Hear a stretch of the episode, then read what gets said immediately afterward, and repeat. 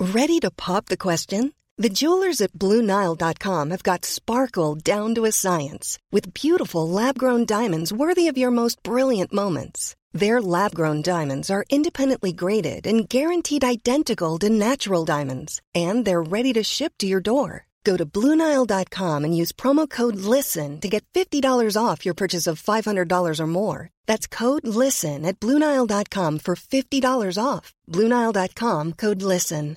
I'm Sandra, and I'm just the professional your small business was looking for. But you didn't hire me because you didn't use LinkedIn jobs. LinkedIn has professionals you can't find anywhere else, including those who aren't actively looking for a new job but might be open to the perfect role, like me. In a given month, over 70% of LinkedIn users don't visit other leading job sites. So if you're not looking on LinkedIn, you'll miss out on great candidates like Sandra. Start hiring professionals like a professional. Post your free job on linkedin.com/people today.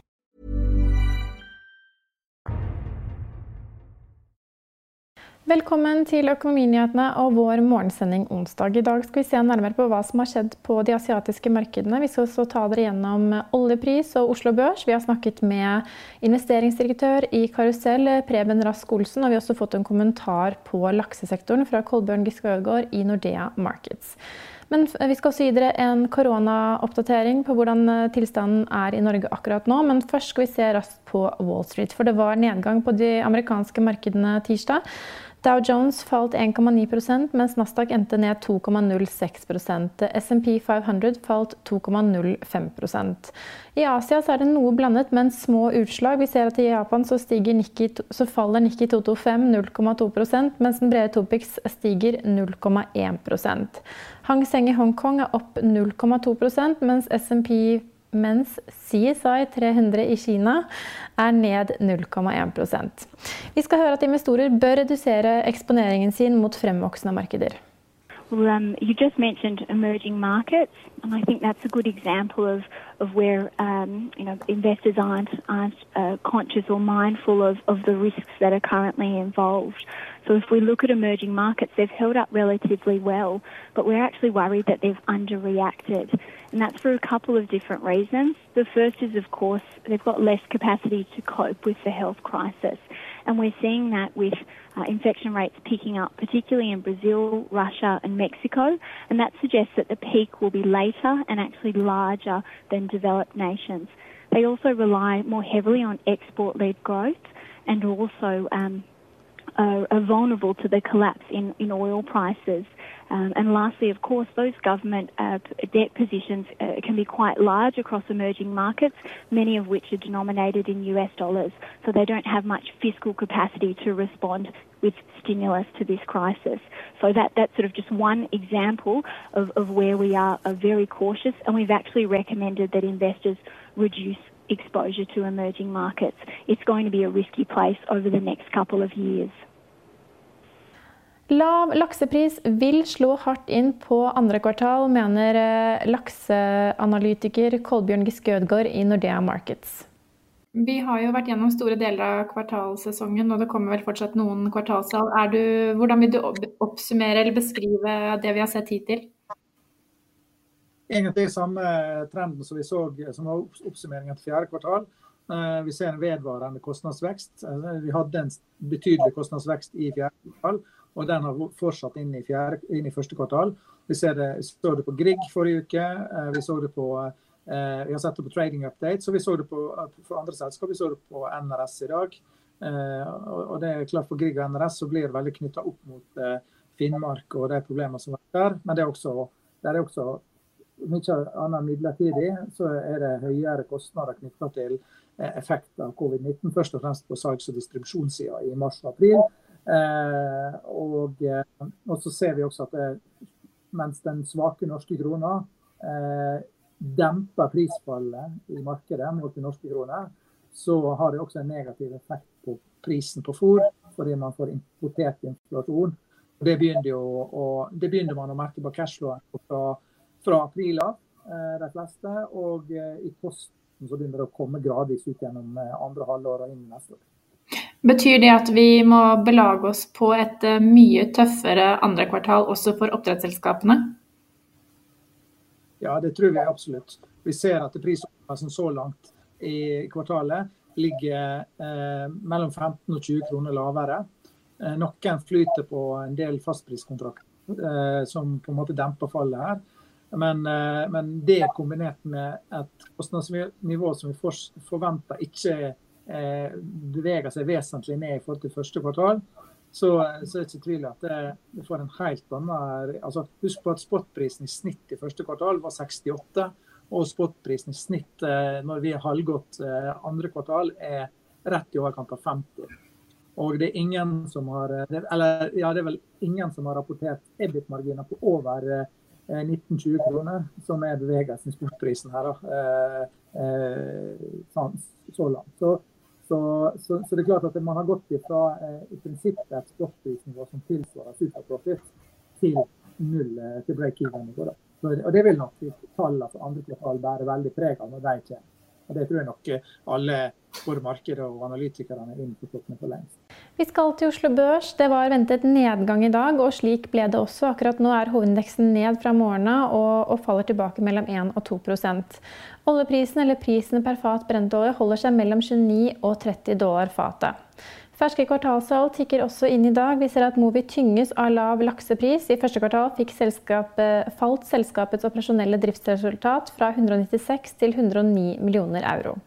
Vi tar også med oss at underskuddet vokser for Kester. De fikk et resultat på minus 113,9 millioner dollar i første kvartal, mot 0,9 millioner dollar i samme kvartal i fjor. Videre skal vi høre at Pantafuel har inngått en avtale med Equinor om kommersiell studie. Verdien av avtalen er konfidensiell. Vi skal også høre at Athea har sikret en stor rammeavtale i Sverige. Kontraktens verdi er på 1,6 milliarder svenske kroner. Og så har Next Biometrics fått en ordre for FAP20-sensorer til Credence ID. ID. Og selskapet og aksjen stiger altså da på nyheten. Nå skal vi sette over til investeringsdirektør i Karusell Holding og M25, Preben Rask Olsen, for hans markedskommentar. God morgen, Preben Rask Olsen. Du er investeringsdirektør i Karusell Holding og M25 Industrier. Denne jobben du, eh, startet du i 1.11. i fjor. Eh, det har gått litt over et halvt år. Hvordan vil du beskrive det første halvåret? Nei, Det var en ilddåp, du, som forvalter. Å få korona midt i fleisen. Så det har vært eh, intenst, men faktisk ganske inspirerende og veldig lærerikt, da, ikke minst. Så um, vi har uh, kommet oss gjennom det, og vi har lært mye. Men altså, det er klart, uh, i et meglerhus så opplever du jo slike kriser også ganske voldsomme. Så jeg har jo sett det før. Så det kom ikke som noe sjokk. Men uh, det, kom brutalt. Hvordan vil du, du husker jo sikkert finanskrisen i 2008. Kan du dra noen likheter, eller er dette noe helt annet enn det du har opplevd tidligere? Nei, Den store store forskjellen er vel uh, hurtigheten og brutaliteten i nedturen. Uh, jeg vil jo si Under finanskrisen så var det jo mulig å se ganske mye på forhånd. Og så visste vi ikke at det skulle bli så voldsomt den gangen heller. Men vi satt jo da og så et Island som sakte forvitret. ikke sant? Og du hadde ganske høye uh, priser på verdens børser. Så, så, jeg vil si at det, den nedturen der var noe mer varslet. da hvis man fulgte litt med, syns jeg. Og så er jeg den første til å innrømme at nedturen ble mye større når den først traff. Det er det ikke noe tvil om. Eh, men her skjedde det så ekstremt eh, raskt og litt, litt underlig, for vi fikk jo vi fikk jo en del signaler om dette viruset, og vi solgte først unna litt. Og markedet fortsatte å gå. og Så tenkte vi ja vel, da er vel ikke dette så alvorlig likevel. Men eh, da skal jeg si at det ble en annen virkelighet plutselig. Så, så det er vel de to store forskjellene, vil jeg si. Hvis vi går tilbake på porteføljen deres, da, hvordan, hvordan, har koronakrisen påvirket deres portefølje og investeringer? Uh, den har vi uh, Hvordan skal jeg forklare det? da? Vi uh, hadde allerede gjort en del tilpasninger. Fått ut det litt mer usikre og gått for det litt mer sikre. så du kan si nedturen fikk vi at bare enda mer tiltet mot gode, solide selskaper med, med sterk cashflow. Og så solgte vi unna mye av det som skulle få inntjening et stykke ned i gata. Vi hadde dessverre litt olje også, da, så vi fikk jo litt juling der. Men vi gjorde en del riktige tilpasninger, så jeg syns vi har kommet oss ganske godt ut av det. Hva er de største endringene dere har gjort, hvis du, hvis du har lyst til å fortelle oss om noen av selskapene eller sektorene dere har tro på nå? Vi har holdt oss da ganske unna olje offshore. Du si Det har jo fått seg en real rebound, men uh, den syns vi har vært for voldsom uh, i forhold til uh, det underliggende. Og, litt usikker på hvordan dette spiller ut fremover. Så, der er vi mer eller mindre helt ute. Så har vi gått ganske mye inn i kall det norsk nordisk retail, som ser ut til å få en liten oppblomstring. Og så har vi jo måttet bruke mye mer tid på IT. for Det er jo åpenbart at det blir spennende. Så vi har gjort uh, noen, uh, noen, investeringer innenfor IT-sektoren som er nye for særlig meg. Så der har jeg måttet lære mye på kort tid. Uh, men, men, jeg tror mye av filosofien vår har vært å, å, å satse mer på, som jeg sier, de Eh, selskapene hvor du helt klart kan se at du vil ha en inntjening selv om korona skulle treffe. Og noen av de vil jo faktisk kanskje til og med komme litt styrket ut av dette. Da. Type Europris, som er et selskap vi har kjøpt mye i både i forkant og under krisen. Crayon er et annet eksempel som, eh, som, vi kjøpte mye i forkant av krisen. og uh, Fikk jo enorm juling når det sto på som verst, men der adda vi heller på. For det hadde vi såpass troen på. Det har jo vist seg å være riktig så langt. Da. Hva med aksjer som Kahoot? Har dere Nei, vi har ikke det.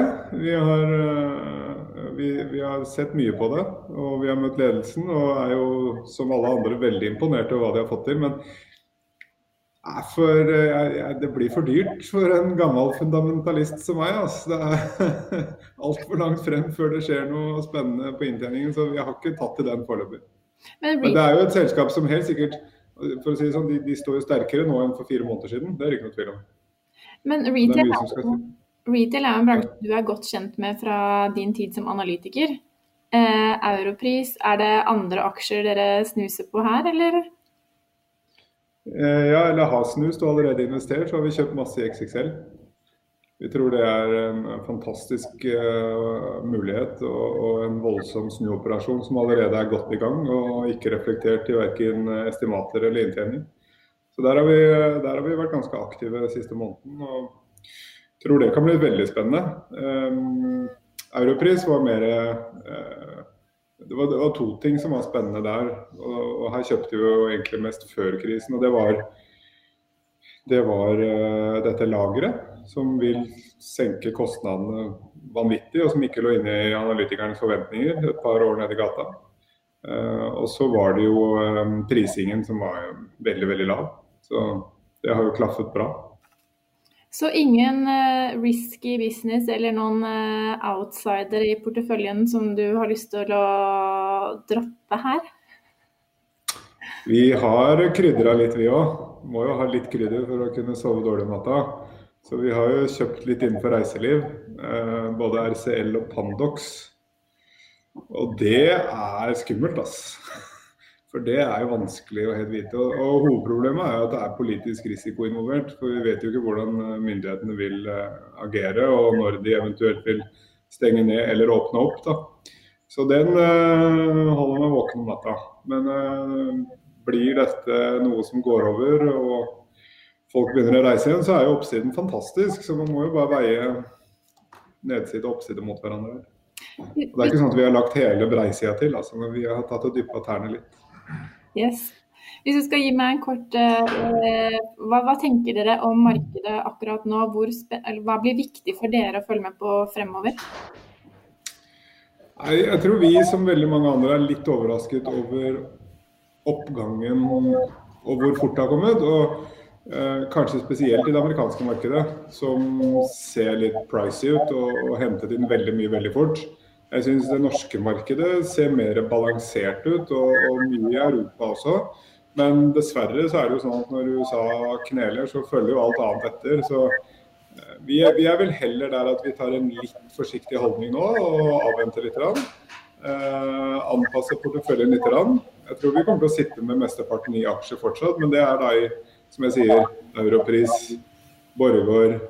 Eh, supersolide selskaper som eh, vil være der etter krisen òg. Så får vi heller ha litt krutt til å kunne rebalansere litt da, hvis det skulle komme en ny dip. Jeg, jeg, jeg, tror vel at vi har kanskje sett bunnen i mars.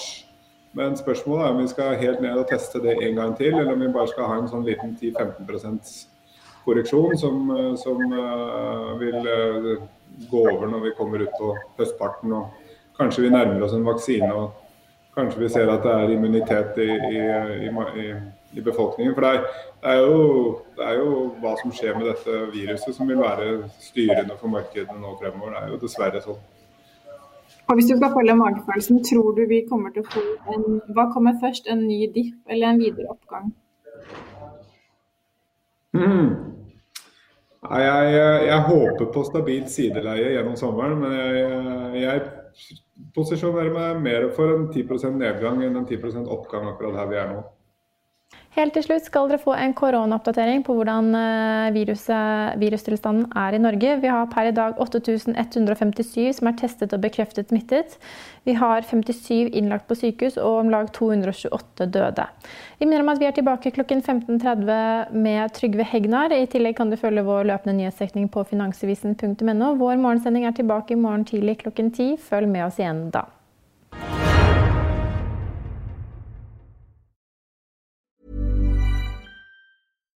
Hi, I'm Daniel, founder of Pretty Litter. Cats and cat owners deserve better than any old fashioned litter. That's why I teamed up with scientists and veterinarians to create Pretty Litter. Its innovative crystal formula has superior odor control and weighs up to 80% less than clay litter. Pretty Litter even monitors health by changing colors to help detect early signs of potential illness. It's the world's smartest kitty litter. Go to prettylitter.com and use code ACAST for 20% off your first order and a free cat toy. Terms and conditions apply. See site for details. Planning for your next trip? Elevate your travel style with Quince. Quince has all the jet setting essentials you'll want for your next getaway, like European linen, premium luggage options, buttery soft Italian leather bags, and so much more. And is all priced at 50 to 80% less than similar brands. Plus, Quince only works with factories that use safe and ethical manufacturing practices. Pack your bags with high-quality essentials you'll be wearing for vacations to come with Quince. Go to quince.com slash pack for free shipping and 365-day returns. Økonominyhetene er en podkast fra Finansavisen. Programledere er Marius Lorentzen, Stein Ove Haugen og Benedikte Storm Bamvik. Produsenter er Lars Brenden Skram og Bashar Johar. Og ansvarlig redaktør er Trygve Hegnar.